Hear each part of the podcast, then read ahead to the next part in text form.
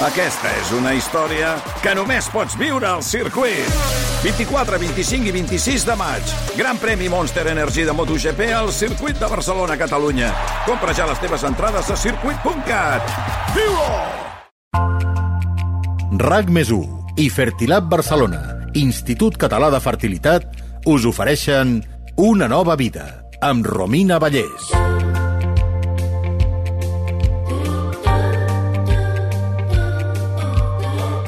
Per què a mi? Aquesta és la primera pregunta que es fa a la parella quan rep la notícia. Amb molta probabilitat, no podreu tenir mai fills de forma natural. Per què a mi? Després arriben els sentiments de culpa, potser per haver retardat el moment de portar una criatura al món, potser per motius professionals, econòmics, i a continuació arriba la culpa per no poder donar fills a la parella i la caiguda de l'autoestima. Això pot anar seguit d'un fort estrès, ansietat i, en molts, nombrosos casos, depressió, per no parlar del cost econòmic dels tractaments de reproducció assistida. La depressió per infertilitat, dèiem, afecta el 40% dels pacients amb problemes reproductius, segons diversos estudis esmentats per la CEF, la Societat Espanyola de Fertilitat. Davant aquesta xifra, la CEF considera indispensable incloure ajuda psicològica a qualsevol parella que iniciï un procés de reproducció assistida. Quan es considera que una persona pateix infertilitat? Com es viu des de dintre aquest procés d'intentar ser pares i no aconseguir-ho potser en anys? Com es poden minimitzar els efectes psicològics d'aquest procés? Avui parlarem de tot plegat a Una nova vida, el podcast de rac sobre la meravellosa i moltes vegades no exempta de dificultats aventura de tenir fills gràcies a la ciència. Benvingudes i benvinguts a un nou capítol. Us parla Romina Vallès, als comandaments d'aquest podcast, amb Salva Coromina fent el disseny de so. Comencem. Avui comptem a l'estudi de rac amb Carmen Navarro. Ella és psicòloga especialista en infertilitat i cap de l'unitat de psicologia de Fertilat Barcelona i també membre del comitè permanent del grup d'interès de psicologia de la CEF. Benvinguda, Carmen.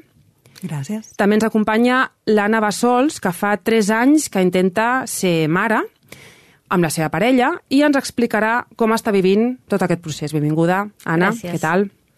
Carmen, en primer lloc, quan parlem d'infertilitat, a què ens estem referint? Perquè que tu intentis mm, tenir criatures durant 3-4 mesos i no ho aconsegueixis no vol dir que siguis infèrtil d'entrada. Què vol dir?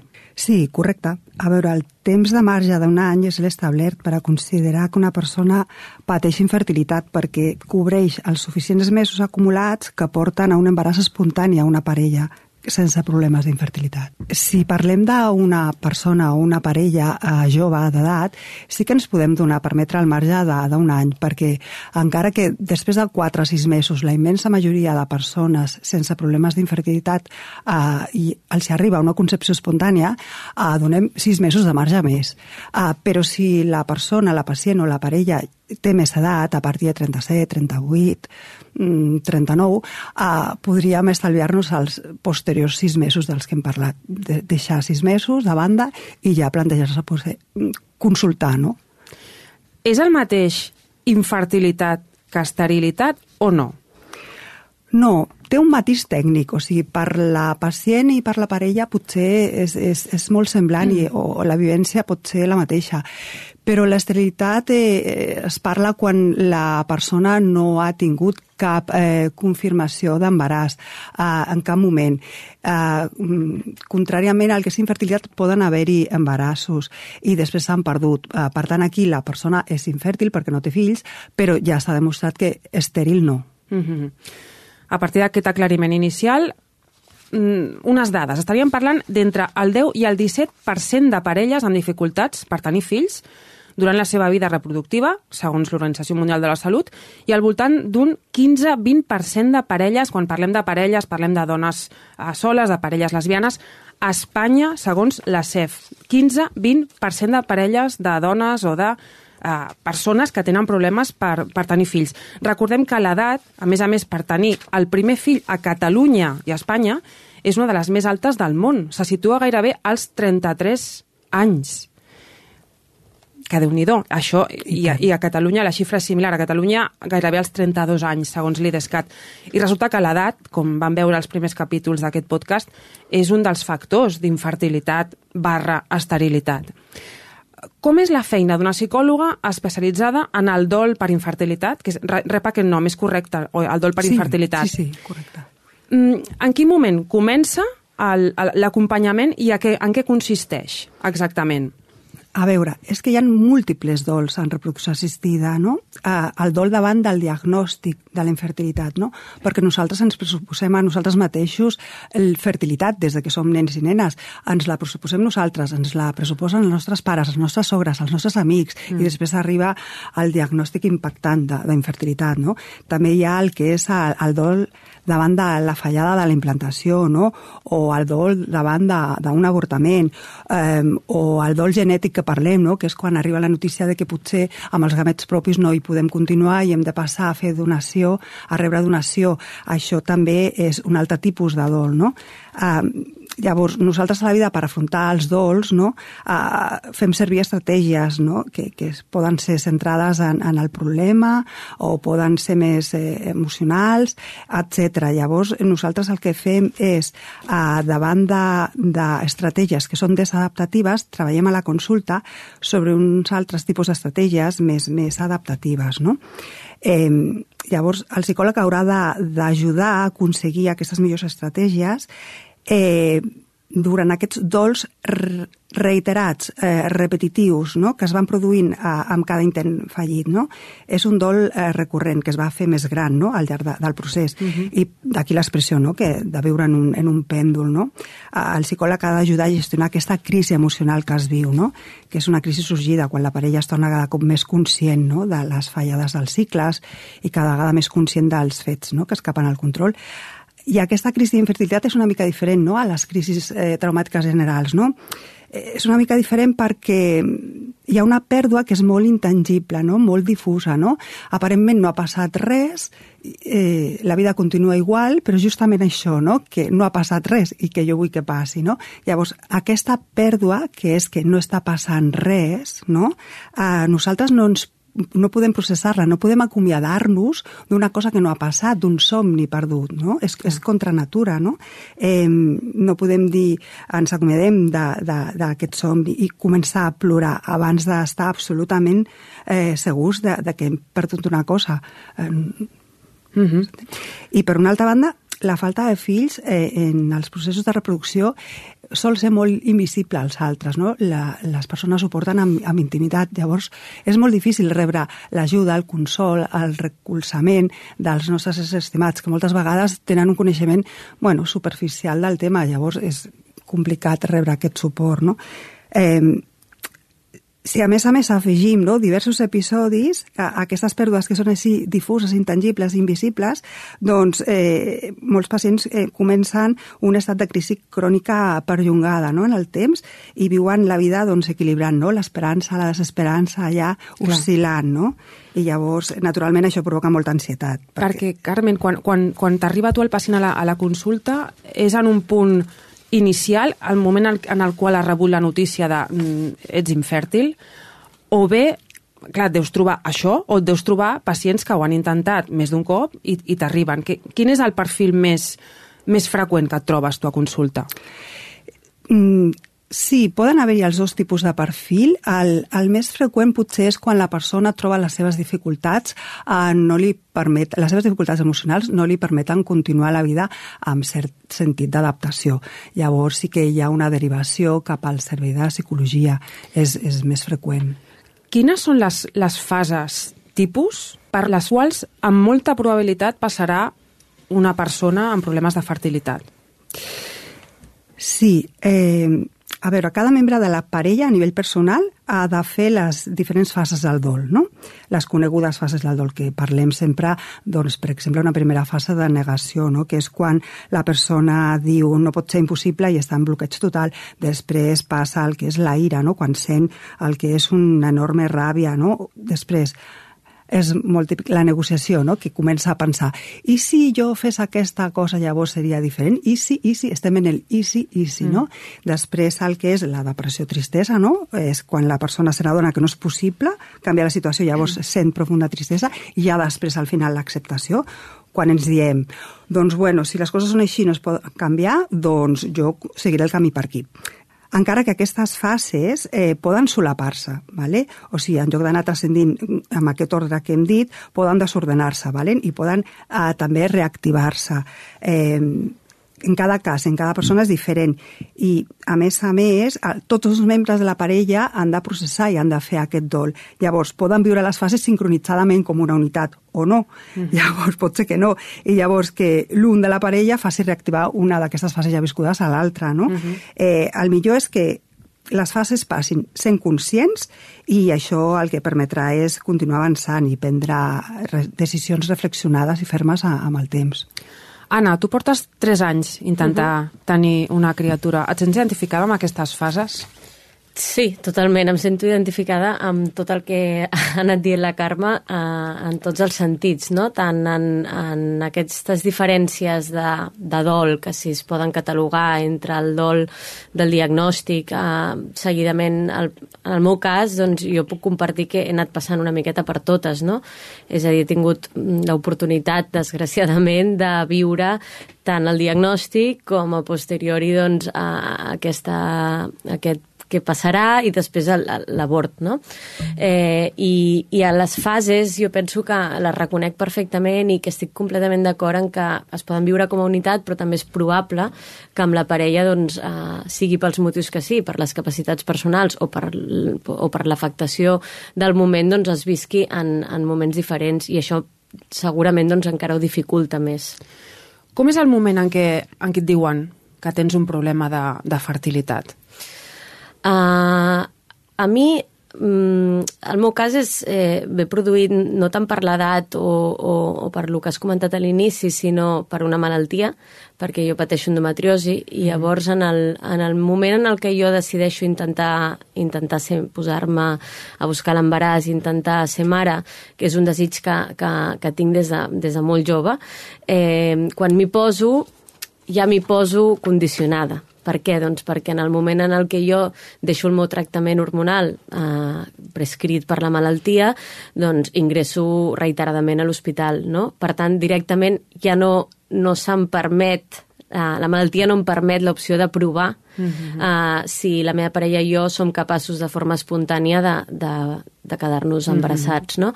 Llavors, ho rebo, uh, la veritat és que amb, amb, amb molta tristesa, perquè el diagnòstic de la meva malaltia ja és molt dur, i conviure-hi amb ella també, i en el moment en el que m'assabento que un 30-40% de les dones amb endometriosi patim de possibilitats d'infertilitat, penso, no seré jo, no? Mm. I com bé deies en l'inici, eh, doncs sí, eh, quan et diuen i per, per què jo, doncs jo és una cosa que, que és el que primer vaig viure, no? Mm, és cert que m'hi vaig posar amb, amb il·lusió i amb ganes potser per això, perquè vaig conèixer moltes parelles que arribaven a les clíniques després de molts anys de, o molt de temps provant-ho, aquest any de mitjana o més, no? de forma espontània jo venia neta en aquest sentit emocional. Venia mm-hmm.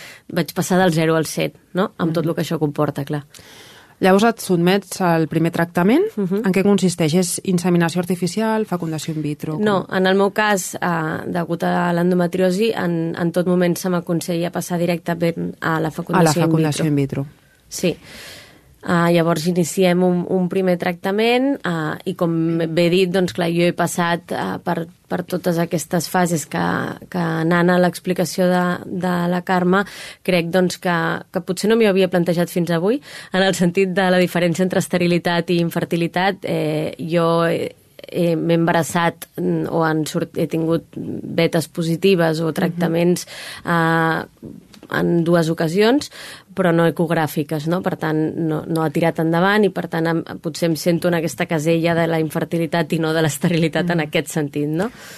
Proves primer per la seguretat social o, o ni ho intentes? Perquè hi ha uns requisits, hi ha unes llistes d'espera, imagino que no tothom pot, Ah, pot sí, entrar. justament al revés. És a dir, per les meves ganes d'intentar-ho quan, quan m'assabento que, que realment doncs, no puc menstruar sense ingressar i que haig d'estar amb les pastilles anticonceptives, eh, tenia 28 anys i la meva parella és bastant més gran que jo i en aquell moment diem, doncs, tenim molt clar el que volem i, i, i degut a les llistes d'espera inicio per privat. Mm -hmm. uh, tot i així, doncs, els anys passen, els tractaments fallen i tinc l'oportunitat, a banda doncs, d'apuntar-me en llista pensant, potser arriba algun dia i ja tinc dos nens, no?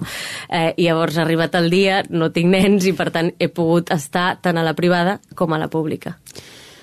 Tens ajuda, recorres a l'ajuda psicològica des que decideixes ser mare o no?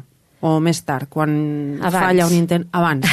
en el meu cas, fruit de la malaltia, eh, i per això sóc molt pesada en el concepte, però mm, viure amb endometriosi no és, no és res fàcil, i en el diagnòstic de l'endometriosi, on, jo, és, on jo ja començo a, a demanar, tot i que ja havia rebut eh, suport psicològic en d'altres moments de la meva vida, perquè crec que és fonamental en, en molts moments on sentim que nosaltres per si sols en aquell moment estem perduts o necessitem un acompanyament i per tant ho faig fruit de l'endometriosi. Sí que és cert que en, en moments de més i menys intensitat i és en el moment dels tractaments de reproducció assistida on potser prenc més intensitat en, en aquest acompanyament.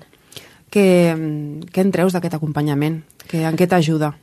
Jo penso que, que és bàsic, és a dir, és molt fort pel que passem les les parelles, però m'atreviria, em prenc el luxe de dir les dones, Les dones, a, a, a, durant aquests processos, que no li trec importància al que viu la parella, dona o home qui està acompanyant, però sí que crec que uh, tots aquests sentiments de responsabilitat, de culpa, de sensació, no? de, de has de poder, o si no pots, doncs has fallat, què he fet bé, què no he fet bé, què hauria d'estar fent, doncs tot això sol, o sola, en aquest cas, eh, jo crec que no és impossible, però no és recomanable, perquè al final ens demanem tant que jo crec que si podem ser acompanyats, a mi és el que m'ha ajudat realment a, a, a trobar maneres de, de fer sola, no? de viure sola millor aquests processos, però, però a demanar ajuda per trobar-les.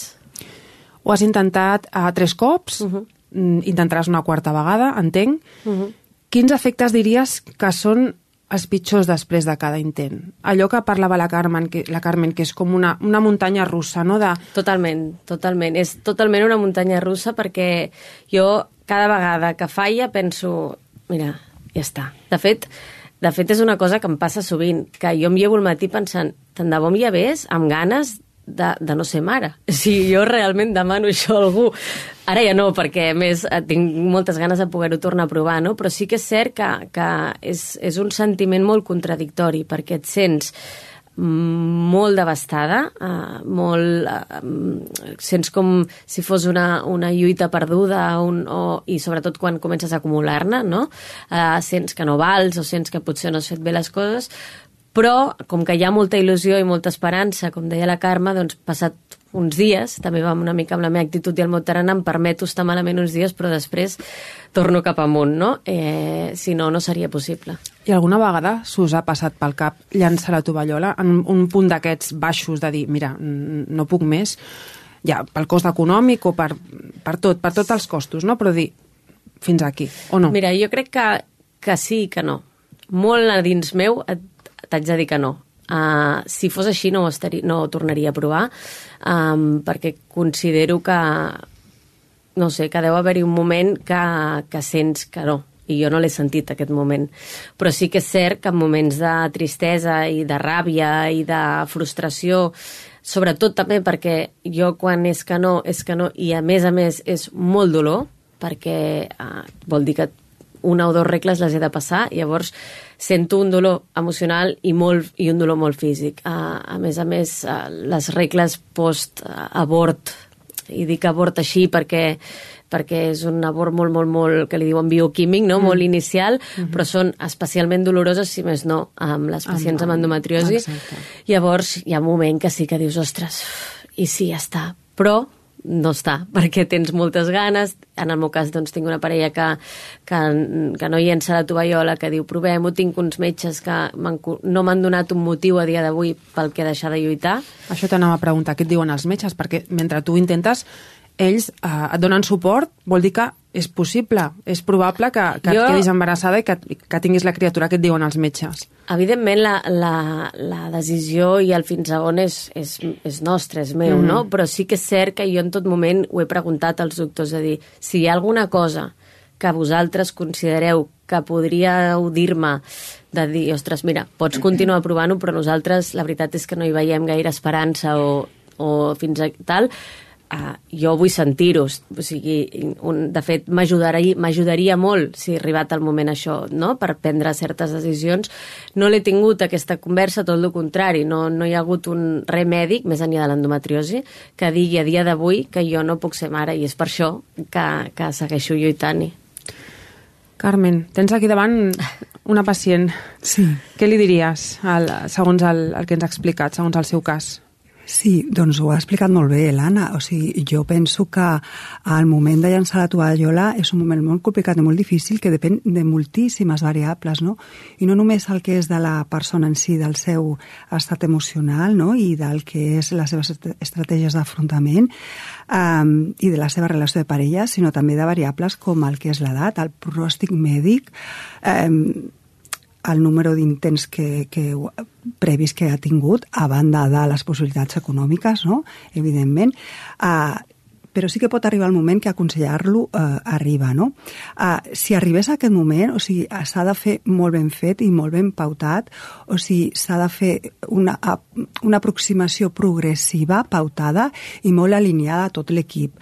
Eh, jo eh, en concret catalana veig que té suficient fortalesa física i mental per, per poder continuar perfectament.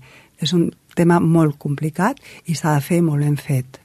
Quin és el temps màxim que t'has trobat a consulta d'una parella que estigués intentant quedar-se embarassada? Bueno, és que moltes vegades, a, a vegades arriben pacients que venen d'altres clíniques i altres intents acumulats, no? I llavors mm. poden arribar perfectament a sis o set intents. No és, no és una cosa estranya.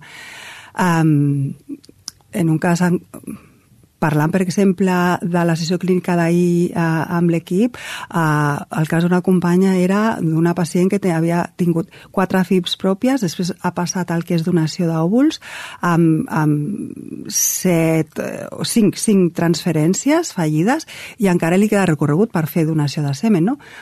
Llavors, poden acumular-se molts intents. Algun cop m'imagino que hauràs de, hagut d'aconsellar doncs que, que, que llancessin la tovallola? És possible? T'has trobat en aquesta tesitura i com, com ho has fet? Um, s'ha de valorar la persona, s'ha de fer tot un examen, una valoració prèvia, no?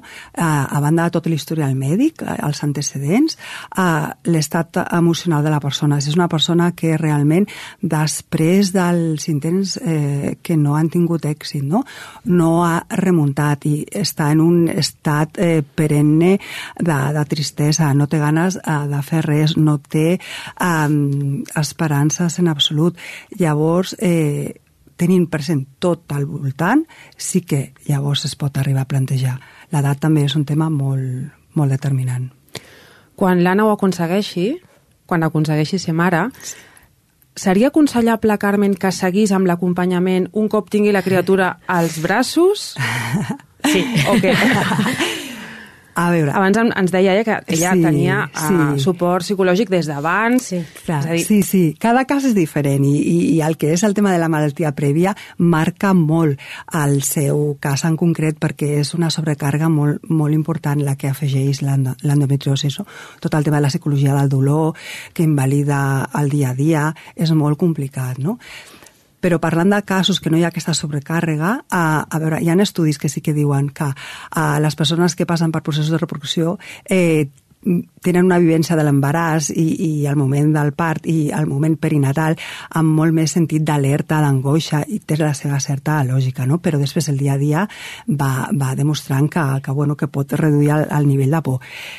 Però si no és el cas, evidentment, els psicòlegs s'han de quedar a disposició de poder treballar amb aquesta persona per veure quines angoixes internes estan allà interferint no? en, la, en la satisfacció i el goig de, de ser mare o pare. No ens queda més temps per seguir parlant avui. Moltíssimes gràcies per venir, Carmen Navarro, psicòloga especialista en infertilitat i cap de l'unitat de psicologia de Fertilab Barcelona i també membre del comitè permanent del grup d'interès, de nhi quin càrrec, m'estic quedant sense aire, de psicologia de la CEF. Gràcies. I Anna Bassols, et desitgem moltíssima sort. Gràcies. Molta sort, Anna. Gràcies.